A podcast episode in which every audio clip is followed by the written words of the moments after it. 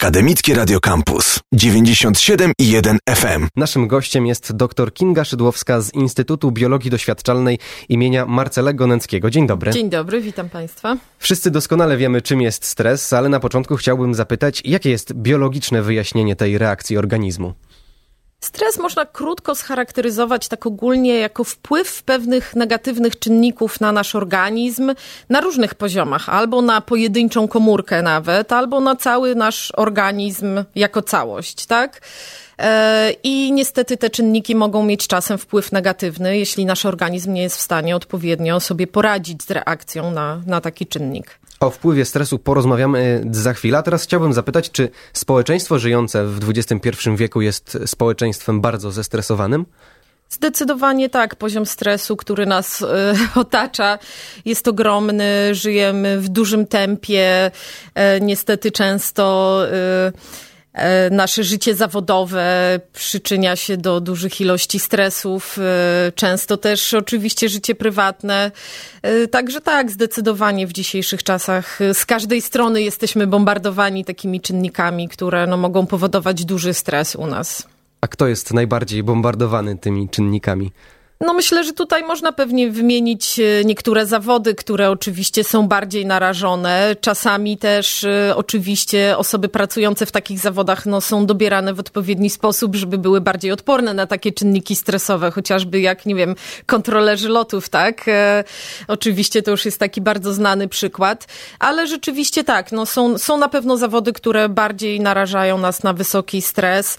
Wbrew pozorom, podobno naukowcy są z jednym jednym z bardziej zestresowanych zawodów w dzisiejszych czasach, także tak, czasami są to niespodziewane niestety miejsca. Więc teraz chciałbym porozmawiać na ten e, bardziej już trochę nieco smutny temat, na temat e, skutków stresu. Wiem, że to pytanie bardzo ogólne, jakie są skutki stresu, więc na początku chciałbym się skupić na pracy mózgu. Co się dzieje wtedy z naszym mózgiem, gdy się stresujemy? Przede wszystkim e, stres, zwłaszcza taki silny, negatywny stres, e, powoduje silne zaburzenia e, hormonów w naszym organizmie, a to może wpływać bardzo też na nasz układ nerwowy. Okazuje się, że czy osoby, czy tak jak w naszym przypadku, w przypadku naszych badań zwierzęta poddane nawet czasami lekkim czynnikom stresowym, ale długotrwałym, na przykład mają bardzo opóźnione uczenie się, tak? E, my na przykład e, przeprowadzamy taki test u naszych zwierząt. Mamy dwie grupy zwierząt. E, jedna z tych grup to są zwierzęta poddane lekkiemu stresowi. Polega on na tym, że są na przykład izolowane od innych zwierząt, że mają na przykład bardziej ubogie środowisko, w którym przebywają, czyli to nie są jakieś silne czynniki stresowe, tak? Y, natomiast y, porównujemy z grupą, która ma, y, że tak powiem, takie super ciekawe życie codzienne, mają towarzystwo swoich współbraci, nazwijmy to, mają e, jakieś wzbogacone środowisko przez nowe zabawki, przez interakcje z ludźmi, którzy się nimi zajmują i rzeczywiście różnice są dramatyczne. Zwierzęta poddane nawet lekkiemu stresowi bardzo powoli się uczą. Wręcz no, praktycznie ta bardzo jest ograniczona zdolność uczenia się u nich. Kiedy wykonujemy taki test, gdzie zwierzę ma nauczyć się, żeby znaleźć coś na przykład, tak? W pewnym labiryncie. Y, zwierzęta takie, które są szczęśliwe, nic im nie dolega, radzą sobie z tym zadaniem bardzo szybko i z dnia na dzień są w stanie y, w ciągu nawet kilku sekund rozwiązać takie zadanie. Natomiast zwierzęta poddane temu stresowi niestety bardzo wolno reagują, bardzo wolno się uczą i czasem nawet w ogóle nie są, już jak ten stres u nich jest bardzo silny, czasem w ogóle nie są w stanie nauczyć się um, pewnych umiejętności, odnaleźć, y, rozwiązać jakieś zadania, tak? Um, Także to jest bardzo ważne. Poza tym y, bardzo ogranicza w ogóle nasze możliwości też y, radzenia sobie, tak, z różnymi czynnikami. Y, oczywiście, no już w takich bardziej skrajnych, długotrwałych przypadkach może powodować depresję, która no, jest bardzo poważną chorobą, tak. E, w przypadkach już bardzo dramatycznych, jeszcze poważniejsze różne choroby, tak, też psychiczne. Także tak, zdecydowanie wpływ stresu na mózg jest ogromny i na pewno no, może całkowicie zaburzyć pracę prawidłową naszego mózgu, y, ograniczyć możliwości uczenia się, zapamiętywania, przyswajania nowych informacji. Tak, są to bardzo dramatyczne efekty. Ale wiemy, że nie tylko mózg cierpi na tym, gdy się stresujemy. Tak, oczywiście. Stres ma ogromny wpływ na nasz układ krążenia. Każdy z nas y, czuje taki efekt silnego stresu. Zaczyna nam walić serce, wzrasta nam ciśnienie krwi. Oczywiście też y, myślę, że tutaj należy powiedzieć o tym, że y, pewne reakcje naszego organizmu na stres nie zawsze są do końca negatywne, tak? Ponieważ no, stres to jest też taki coś, co powstało w ewolucji, co miało też pomagać nam w pewnych sytuacjach, tak? Więc taki powiedzmy szybka reakcja, krótka, stresowa, na przykład e, powiedzmy no, spotkamy groźnego niedźwiedzia w lesie, tak? E, więc ta krótka, chwilowa reakcja stresowa ma pomóc nam zachować się logicznie w tej sytuacji, ewentualnie dać nam siłę i energię, żebyśmy sobie poradzili, stąd właśnie wzrost ciśnienia krwi, e, możliwość, żeby dać nam możliwość, nie wiem, szybkiej ucieczki w takiej sytuacji, tak, i e, poradzić sobie z tym czynnikiem. I to jest taki krótkotrwały, krótkotrwały stres, bardziej działający mobilizująco nasz, na, na nasz organizm. Natomiast ten stres, o którym tak najczęściej mówimy w kontekście negatywnym, to jest rzeczywiście taki stres, e, który najczęściej najczęściej no, musi działać albo przez dłuższy czas, albo w jakimś bardzo dużym nasileniu na nasz organizm i wtedy rzeczywiście może zaburzać e, całą gospodarkę hormonalną naszego organizmu, może zaburzać właśnie um, działanie układu krwionośnego, powodować różne choroby, tak, z tym związane. E, może powodować e, właśnie choroby psychiczne, no jakby wpływa na cały nasz e, organizm od początku do końca, na układ pokarmowy też. Każdy z nas wie, że przy silnym stresie może, nie wiem, boleć nas żołądek, możemy mieć skurcze, jakieś jelit, prawda, różne reakcje z przewodu pokarmowego, w zależności od osoby oczywiście, ale po prostu stres silny i długotrwały działa na nasz cały organizm i naprawdę no już tak w bardzo skrajnych przypadkach, no może całkowicie no, działać wykańczająco, no aż do momentu nawet śmierci, tak? Ale no to oczywiście to już są bardzo skrajne przypadki. Czytałem, że długotrwały stres może mieć wpływ na pojawienie się u nas cukrzycy. Czy to prawda? Tak, y, zgadza się. Ponieważ y, stres i w takiej krótkiej reakcji stresowej bardziej długotrwałej może powodować wzrost poziomu cukru w naszym organizmie. No jeśli oczywiście przez bardzo długi czas y, ten poziom cukru podwyższony będzie się utrzymywał, zdecydowanie może to prowadzić y, jak najbardziej do rozwoju cukrzycy.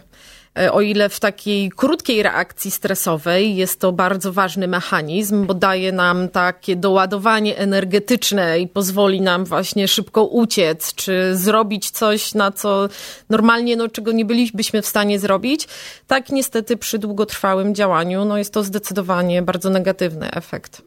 Często, gdy się stresujemy, czujemy, że jesteśmy spięci.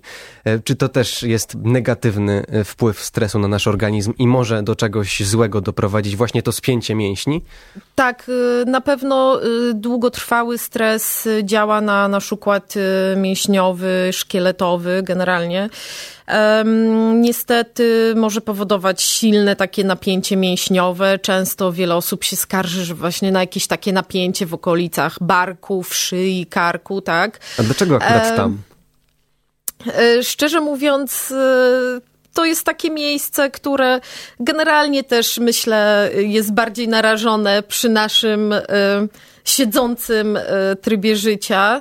E, więc może też z tym jest to e, trochę związane. E, natomiast no, u niektórych osób, które już rzeczywiście bardzo silnie się stresują i na przykład no, nie mają możliwości, powiedzmy, skorzystania z metody poradzenia sobie z tym, typu na przykład jakiś masaż, no może to spowodować jakieś poważne problemy u nich, tak, i wymagać rehabilitacji, no, jakieś powodować bóle silne, także też jak najbardziej jest to natomiast to może być to też kwestia indywidualna, tak? U jednej osoby to będzie bardziej ten rejon, u kogoś innego, na przykład w innym rejonie ciała, ale tak, zdecydowanie może bardzo wpływać na nasz układ mięśniowy. A czy to jak organizm reaguje na stres, bo wiemy, że każdy reaguje inaczej, to ma związek, nie wiem, z, naszą, z naszymi genami? To ma podłoże genetyczne? Nie, chyba nie do końca. No generalnie każdy z nas jest inny, tak? Na różnych poziomach, zarówno genetycznym, jak i później fizjologicznym, tak? Bo przez całe nasze życie różne czynniki na nas wpływają. No czasem może to wynikać po prostu z tego, że ktoś, no na przykład ma, jedna osoba ma zdrowszy układ pokarmowy, więc pewne efekty na przykład będzie w stanie przez dłuższy czas znosić lepiej niż ktoś, kto na przykład już ma, cierpi na jakąś chorobę, ma jakieś problemy, tak, z układem pokarmowym. Więc może to po prostu z tego chociażby wynikać, tak? Czyli stres ujawnia słabości naszego organizmu. Zdecydowanie, jak najbardziej. Jednym z tematów pani badań jest powiązanie stresu i padaczki. W jaki sposób stres wpływa na rozwój padaczki? Lekarze od y, bardzo dawna obserwują y, już takie zjawisko u swoich pacjentów, y, że zalecają im ograniczenie stresu. Dlatego, że wiedzą, że pacjenci, którzy są poddani jakimś silnym, długotrwałym czynnikom stresującym, niestety często dużo ostrzej przechodzą padaczkę, e, mogą mieć e, częściej występujące drgawki o ostrzejszym przebiegu. Natomiast w momencie, kiedy pacjent, wiadomo, że kiedy pacjent prowadzi bardzo taki regularny tryb życia z ograniczonym stresem, generalnie no, wprowadza różne elementy, które ten stres obniżą, korzysta z aktywności fizycznej, nie wiem, sypia o regularnych porach, odpowiednią ilość godzin, rzeczywiście wtedy ten organizm dużo lepiej sobie radzi z chorobą i pozwala często przyjmować mniejsze dawki leków. Y, tak, jak najbardziej. My w tej chwili prowadzimy właśnie badania w pracowni epileptogenezy na ten temat. Ten projekt jeszcze trwa, ale tak, jest to mm, ważny też aspekt, y, jakby wpływ stresu na przebieg różnych chorób, nie tylko padaczki, bo w przypadku różnych innych chorób też, też wiemy o tym, że właśnie stres może E, zaostrzać e, przebieg choroby. A czy może tak być, że przez długotrwały stres u kogoś może pojawić się padaczka, mimo tego, że nigdy czegoś takiego wcześniej nie przechodził? E, raczej nie padaczka. To czy z padaczką problem też jest taki, że niestety nie znamy często dokładnego podłoża wystąpienia choroby, tak? Więc no też trudno jest taki czynnik oczywiście tak stuprocentowo wykluczyć. E, natomiast e, na pewno wiadomo o wpływie takim negatywnym stresu już na sam przebieg choroby. To jest jakby informacja już potwierdzona dawno temu. Także wszystkie osoby, które cierpią na padaczkę zdecydowanie poprzez ograniczenie stresu mogą pomóc sobie i e, jakby trochę łatwiej przechodzić przez chorobę, co oczywiście no, nie jest łatwe, wiadomo, ale, ale warto próbować, war, warto, warto walczyć. Czyli już teraz e, skutki stresu na nasz organizm mamy już myślę, że omówione, więc teraz chciałbym się skupić na wskazówkach dla tych, którzy niestety są narażeni na stres. Jak sobie z tym stresem radzić? A przede wszystkim aktywność fizyczna jest zawsze świetnym e, Y, elementem radzenia sobie ze stresem, y, chociażby dlatego, że podczas intensywnego uprawiania sportów wydzielają się też y, endorfiny, które mają bardzo pozytywne efekty na cały nasz organizm, więc zdecydowanie mogą pomóc. Oprócz tego wszelkie jakieś takie zajęcia relaksujące, typu na przykład dla jednych osób może to być medytacja, dla kogoś innego może to być, e, nie wiem, modlitwa, e, dla kogoś innego cichy spacer w lesie, tak? Ale generalnie takie wszystkie momenty, które pozwalają nam się wyciszyć, e, są zawsze bardzo korzystne dla naszego zdrowia. Um, to chyba takie główne są czynniki. E, oczywiście też regularny tryb życia zawsze, tak? E, odpowiednia ilość godzin snu, e, taki sen krótkotrwały czy przerywany, no niestety też, też może pogarszać jakby ogólnie stan naszego organizmu i też pogarszać tą naszą reakcję na stres. Także zdrowy sen na pewno też pomoże takim osobom.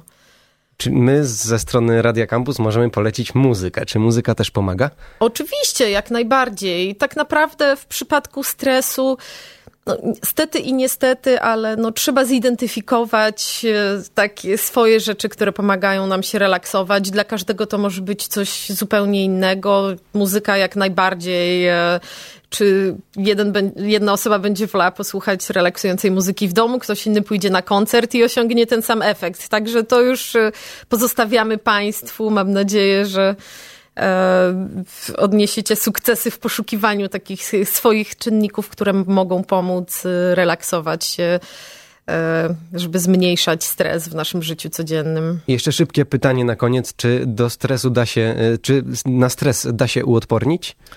W pewnym sensie tak, chociażby właśnie na przykład osoby, które regularnie stosują medytację, e, jakby są w stanie obniżyć ogólny poziom stresu w swoim organizmie na tyle, że na pewno no, są bardziej odporne, nawet jeśli jakiś czynnik stresowy pojawia się w ich życiu, no, są w stanie jakoś trochę łatwiej sobie z nim radzić.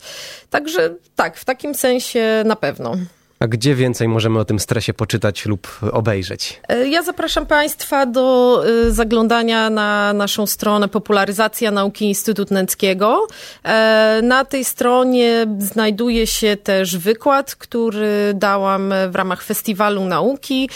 To jest wykład właśnie na temat stresu, jego wpływu na nasz organizm, metod radzenia sobie ze stresem. Także jeśli Państwo chcieliby zgłębić swoją wiedzę na ten temat, to zapraszam do zajrzenia na naszą stronę. Naszym gościem była dr Kinga Szydłowska z Instytutu Biologii Doświadczalnej imienia Marcela Goneckiego. Bardzo dziękuję za rozmowę. Dziękuję bardzo. Radio Campus.